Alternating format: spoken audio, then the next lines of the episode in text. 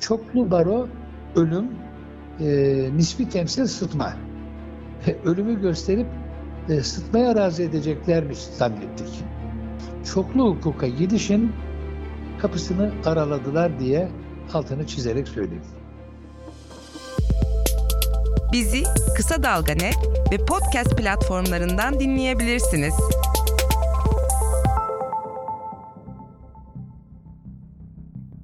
Giderek yozlaşan ve bağımsızlığını kaybeden adalet sistemine en son müdahalede barolar üzerinden geldi. AKP ve MHP ortaklığıyla mecliste kabul edilen yasayla birlikte çoklu baro sistemine geçildi. Üstelik 80 baronun 80'inin de karşı çıkmasına, engel olmak için Ankara'yı yürümelerine ve günlerce adalet nöbeti tutmalarına rağmen Yeni sistemle birlikte 5000'in üzerinde avukat bulunan illerde en az 2000 avukat bir araya gelerek kendi barolarını kurabilecekler. Eski sistemde barolar 3 delegeye ek olarak her 300 üye için ek delege gönderebiliyordu. Ancak yeni sistemle birlikte her baro 4 delege gönderecek ve her 5000 üye için ek delege gönderebilecek. Peki kağıt üzerinde demokratik ve çoğulcu, küçük baroları güçlendiren bir sistem olarak sunulan çoklu baro sistemine barolar neden karşı çıkıyorlar? Tüm baroların bu yasaya karşı çıkması neden süreci durduramadı? Ben Kısa Dalga'dan Beril Eski. Bu podcast'te çoklu baro sistemini ve bunu inşa eden süreci konuşacağız. Haber podcastle buluştu. Kısa Dalga yayında. Bizi Kısa Dalga Net ve podcast platformlarından dinleyebilirsiniz. Çoklu baro bu son dönemin ürünü aslında. E, ve FETÖ projesi deniliyor biliyorsunuz. Bu cemaatin özellikle yargı alanındaki etkinliğini arttırdığı bir döneme denk gelen bir önermesi. Ekrem Demiröz 2012-16 dönemlerinde Bursa Barosu Başkanlığı yapmış ve Metin Feyzioğlu ekibiyle Türkiye Barolar Birliği Yönetim Kurulu'nda bir süre görev yapmış bir avukat. Demiröz, barolara yönelik tartışmaların aslında çok eskiden yani 1996 yıllarında nispi temsiliyet üzerinden tartışmaya açıldığını söylüyor. Bu tartışmanın da ara ara açılıp ısıtıldığını ancak son yıllarda çoklu baro önerilerinin ortaya atıldığını belirtiyor. Ve bugün barolar için nispi temsiliyet yerine çoklu baro yönteminin seçilmesinin ardında başka hesaplar olduğunu düşünüyor. Şimdi çoklu baro deyince aklımıza tabii ilk gelen baroların etkinliğinin yok edilmesi, parçalanması ve bölünmesi.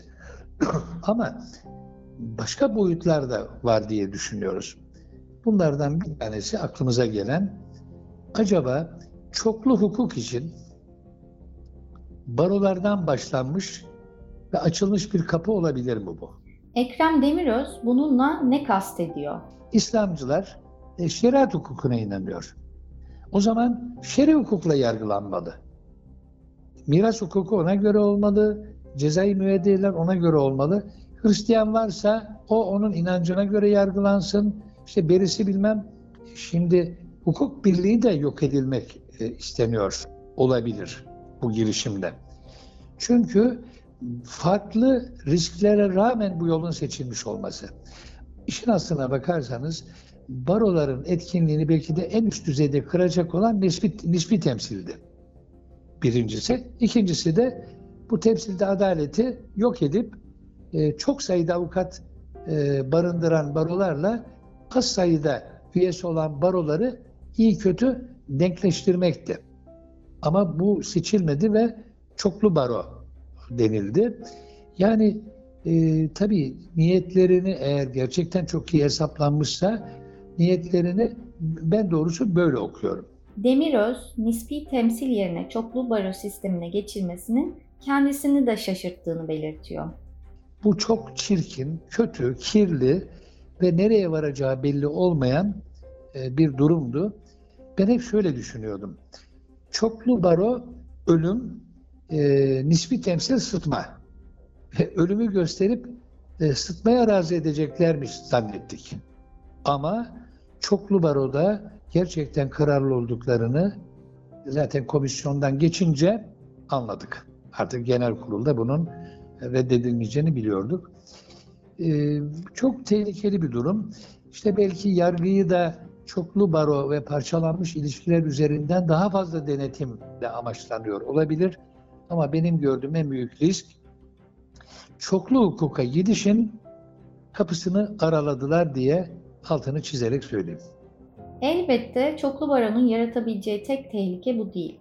Diyarbakır Baro Başkanı Cihan Aydın, baroları bekleyen tehlikeyi şöyle anlatıyor. Baroları bekleyen şöyle bir tehdit var. Zaten karşı çıkma sebebimiz de buydu. Ee, bir, baroların e, işlevi önemli ölçüde e, zayıflayabilir. Bu da tabii ki bundan sonra ne tür adımların atılacağıyla bağlı olarak değişebilecek bir durum. Değişkenlik arz edecek bir durum. E, çünkü bu çoklu baro meselesi büyük bir risk içeriyor. En büyük risk de yargı bağımsızlığı ve tarafsızlığını son e, adımı olan baroları da bu e, e, cenderenin içerisine çekmek. Bu, bunun için zaten bu yasanın çıktığını düşünüyorum. En temel gerekçe buydu. E, bu konuda bir e, e, direnç gösteren, e, konuda ayak direyen, buna itiraz eden e, baroları da bu şekilde işlevsiz hale getirerek bu e, koroya dahil etmek. E, bu risk halen geçerli. Peki bu tehdit nasıl somutlaşacak? İstanbul'da düşünün iki baro var. Bir baronun siyah dediğini öteki beyaz diyecek. Bu şekliyle e, hükümet yeni bir e, kendine dayanak noktaları oluşturma konusunda bir e, e, güce sahip olacak. E, barolar da buna bağlı olarak ötekileştirilecek. Bağlı olan avukatlar A barosuna ya da bir numaralı baroya bağlı olan avukatlar ile iki numaralı baroya bağlı olan avukatlar yargıda ayrı e, ayrı e, davranışlara, kararlara, e, kararlarla karşılaşacaklar. E, bu büyük risk e, ve gide bir bütün olarak e, bu e, baroları özellikle çoklu baro sistemine geçecek olan baroları başta olmak üzere e, bu yönüyle baroları ciddi bir e, tehdit ve tehlike bekliyor diye düşünüyorum. İnsan Hakları İzleme Örgütü'nden Emma Sinclair Webb'e göre 15 Temmuz darbe girişimi sonrası baroların insan hakları adına oynadığı önemli rolün zayıflatılması hedefleniyor. Barolar, yani büyük şehir, şehirdeki barolar aslında insan hakları hareketinde önemli rol oynamaya başladı son iki senedir özellikle. Ve e, hükümet için bu çok rahatsız edici bir durumdu. Çünkü şey fark ettiler yani barodan gelen bir işkence raporu gerçekten sivil toplum kuruluşlarından gelen raporlardan daha etkili, daha inandırıcı ve daha e, yani e, saygı e, kazanır. Ancak bu sistemle birlikte baroların hayati insan hakları çalışmaları, raporlamaları, açıklamaları itibarsızlaştırılacak. Son dönemde e, barolar ve özellikle büyük barolar e, insan hakları hareketinde çok önemli bir rol oynadı. E, bildiğiniz gibi e, Ankara Barosu özellikle işkence vakalar ve zorla kaybetme vakaları e, belgeledi. E, Diyarbakır Barosu ve Urfa Barosu Güneydoğu'da e, senelerce zaten insan hakları ilgili çok önemli raporlar yazıyor. Başka barolar da aynı şekilde.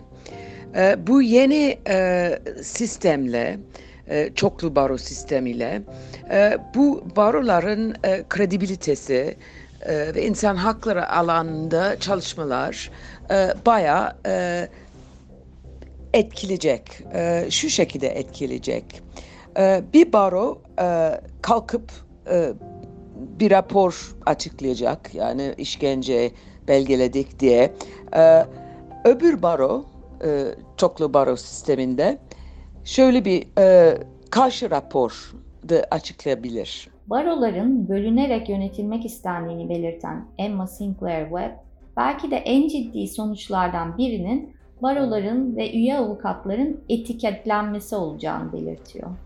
Türkiye'nin mevcut koşullarda e, çoklu baro sistemi bir böl ve yönet sistem getirecek.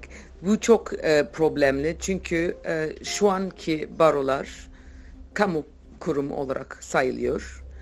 E, tek bir çatı altında bütün avukatları temsiliyor. E, il bazında tabii ki. E, ve yani her çeşit siyasi görüşü sahip olan avukatlar var. Solcu, sağcı, e, dindar, dinsiz fark etmez. Herkes aynı çatı altında. Ve bu çok önemli bir şey çünkü sonuç olarak e, seçimler oluyor ve ya bazı e, anlaşmalar yapılıyor. Orada böyle bir yönetim e, seçiliyor ve o değişebilir. Seçimimiz göre değişebilir. E, ama me, şimdiki koşullarda e, evet yani barolar içinde tartışmalar yaşanıyor, siyasi tartışmalar yaşanıyor.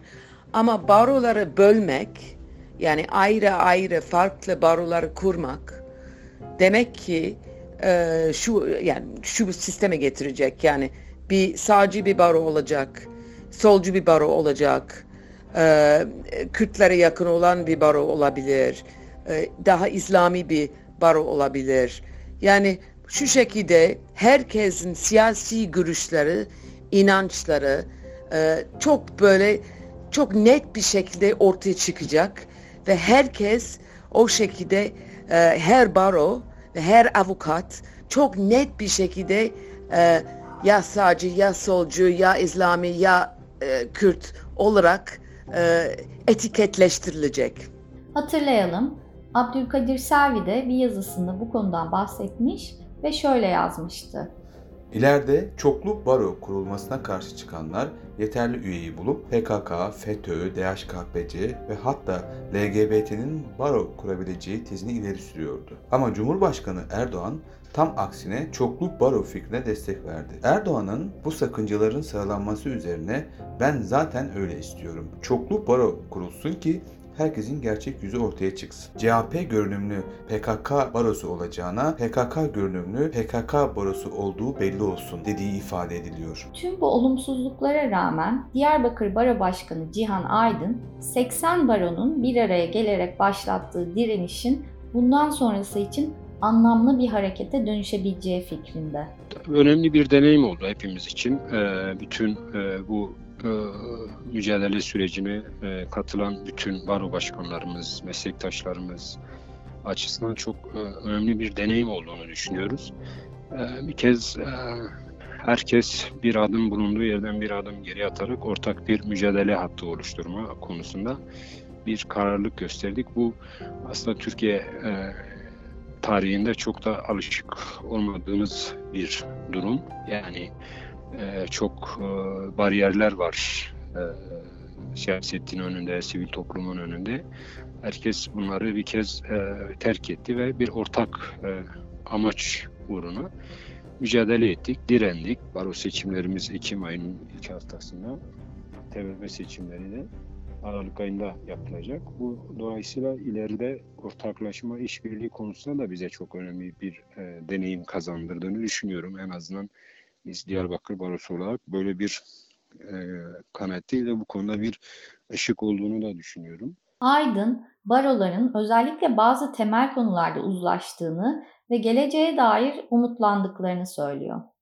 İleriye biraz daha umutla bakabiliyorum. Yani barolar arası e, dayanışma, e, insan hakları, kadın hakları, çocuk hakları konularında, hukukun üstünlüğü konularında bir ortak e, e, nokta bulduğumuzu düşünüyorum. Bu bizim için en büyük e, deneyimdi ve sonuçtu diye bunu e, altını çizebilirim. Bizi Kısa Dalga Net ve podcast platformlarından dinleyebilirsiniz. Ekrem Demiröz'le konuşmamıza geri dönelim.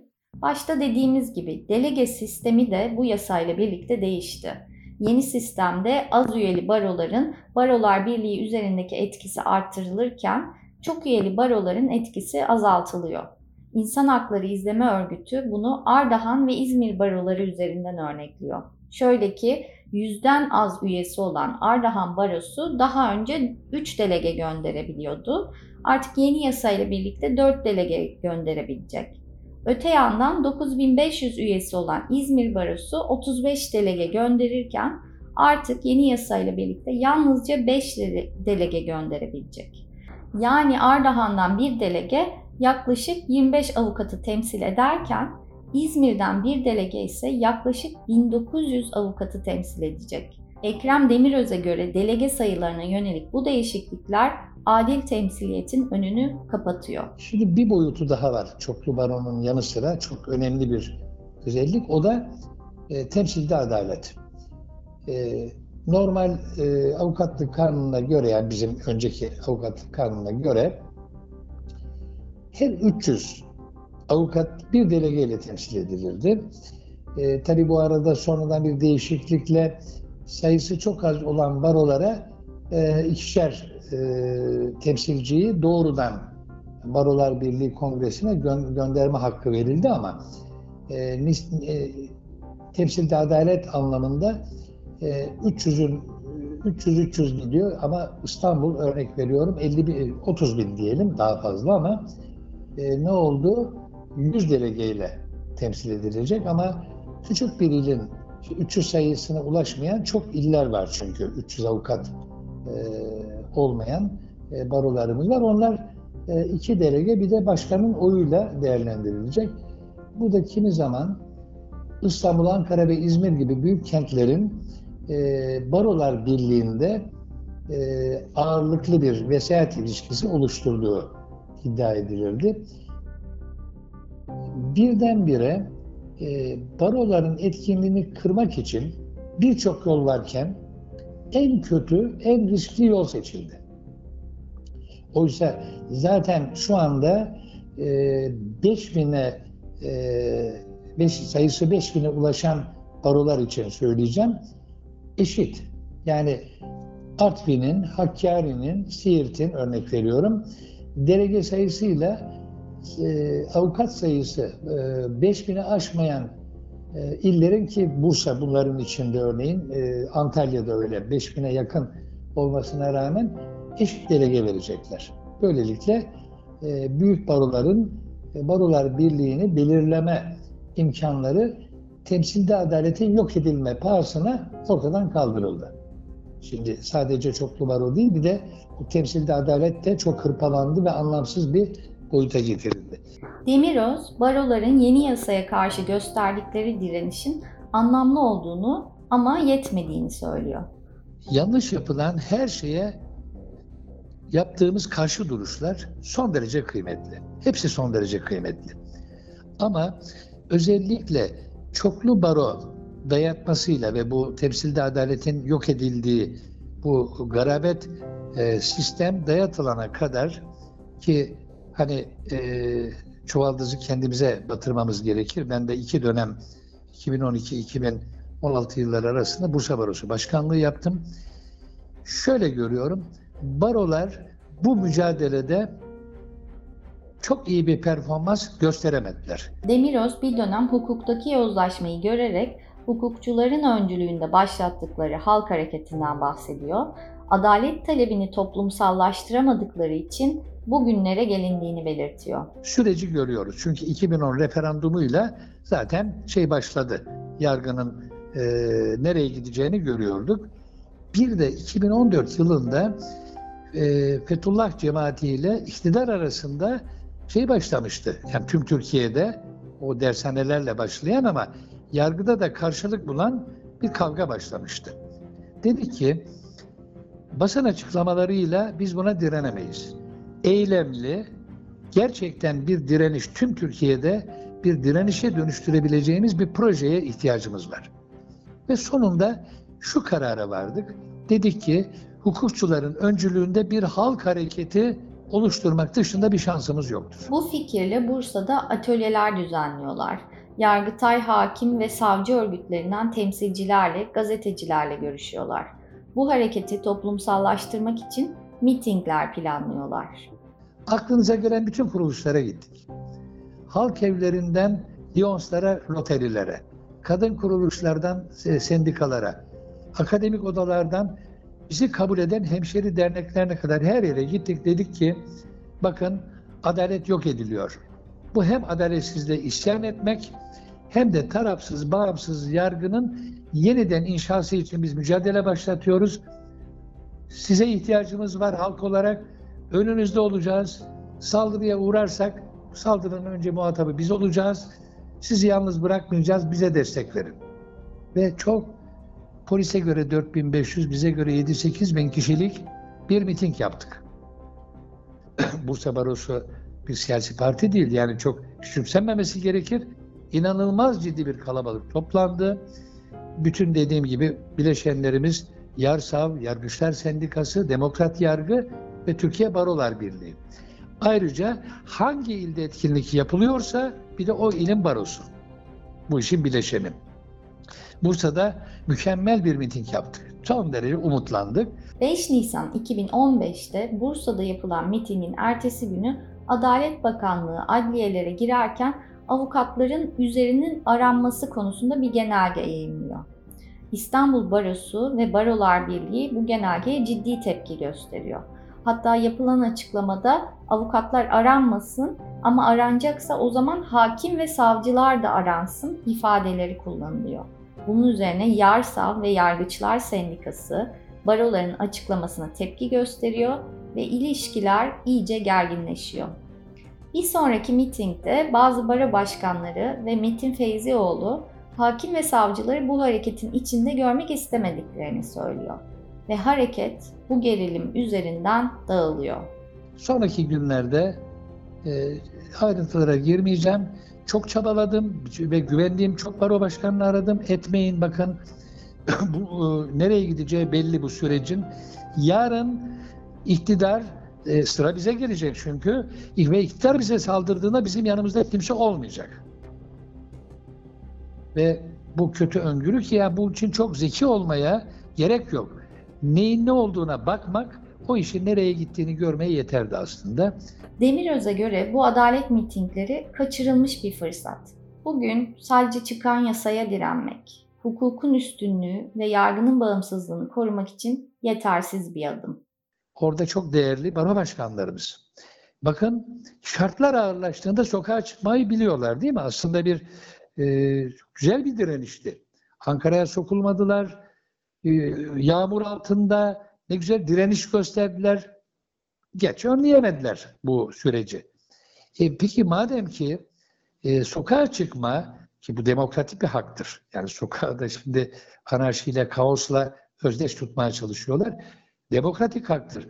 Madem böyleydi, bu sürecin nereye varacağını da e, birbirimize anlatıyorduk, görüyorduk üstelik. Bu hale gelmesine kadar bekleyip e, ucu bize dokunduğunda sokağa çıkmayı biraz mesafeli bakmak ve bu açıdan eleştirmek gerekir. Şununla bitireyim bunu da. Varsayalım baro başkanlarımızın direnişi sonuç verdi. İktidar buna boyun büktü ve düzenlemeyi geri çekti. Ne elde ettik? Statükomuzun mevcut durumun korunması dışında ne elde ederdik? Yargı mı düzelirdi? Kötü gidiş mi dururdu? Ekrem Demiröz bir zamanlar desteklediği, beraber çalıştığı Türkiye Barolar Birliği Başkanı Metin Feyzioğlu'na dairse son derece hayal kırıklığına uğramış durumda. Feyzioğlu'nun çoklu baro sistemine dair devrim nitelemesini şöyle değerlendiriyor. Galiba sonradan e, olmaların e, bir ruh haleti vardır. Örnek veriyorum.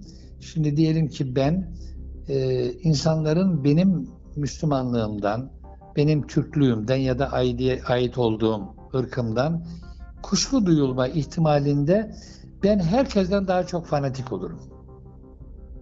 Hani bir söz vardır. E, imanından emin olmayan gürültülü namaz kılar diye. Metin Feyzioğlu'nun kullandığı deyimi iktidar kullanmamıştır. Yani bu kadar devrim diye nitelemek bir de üstelik temsilde adaletin yok edilişini de büyük baroların vesayetinin sona erdirilişi diye değerlendirmeyi ne bir hukukçu ne bir akli salim, selim insanın değerlendirmesini doğru bulmam. Feyzoğlu'na dair bugüne kadar konuşmaktan kaçınan Demiröz artık tüm rezervlerini kaldırdığını söylüyor. Bazı şeyleri öngördüğümü iddia ediyorum ama bu kadarını öngörmemiştim. Onu da söyleyeyim. Yani açıklanabilir e, bir noktada değil Metin Feyzoğlu artık. Biraz önce lafa girerken anlattım. Kendini artık yani ben anlayamıyorum. Devrim diyor. Neyin devrimi? Bu karşı devrim aslında. Sonra diyor ki vesayet sona erdi. Ya bunlar bildik e, iktidar e, paydaşlarının ve iktidarın kendisinin kullandığı kavramlardır. Metin Feyzoğlu ne yazık görünen o ki çizgisini bu süreçleri yürüten gücün yanında yer almaya karar vermiş e, ve bu yanlışlar sadece Barolar Birliği'ni hırpalamadı ve bu ilişkilerin kötüye gitmesine yol açmadı. Çok net söylüyorum. Eski dostum, arkadaşım ama artık ve e, ben uzun zaman ne Barolar Birliği yönetimi ne Metin Feyzoğlu hakkında tek kelime etmedim. Sebebi de şu, e, hani 40 gün susmak gerekir. 40 yıllık dostunuzdan ayrıldığınızda, iş ortağınızdan ayrıldığınızda, beraber çalıştığınız insanlardan ayrıldığınızda bir zaman susmak benim anladığım anlamda ahlakın gereğidir. Ama bütün rezervlerimi kaldırdım artık. Bu noktadan sonra Metin Feyzoğlu e, artık benim korumam gereken o duyguları taşıdığım bir insan olmaktan çıktı. Gerçekten üzgünüm. Tabi Barolar Birliği'ne verdiği zararlar içinde. Hayata kulak ver. Kulağını sokağa aç. Haberi duy. Haber podcastle buluştu. Kısa Dalga Podcast.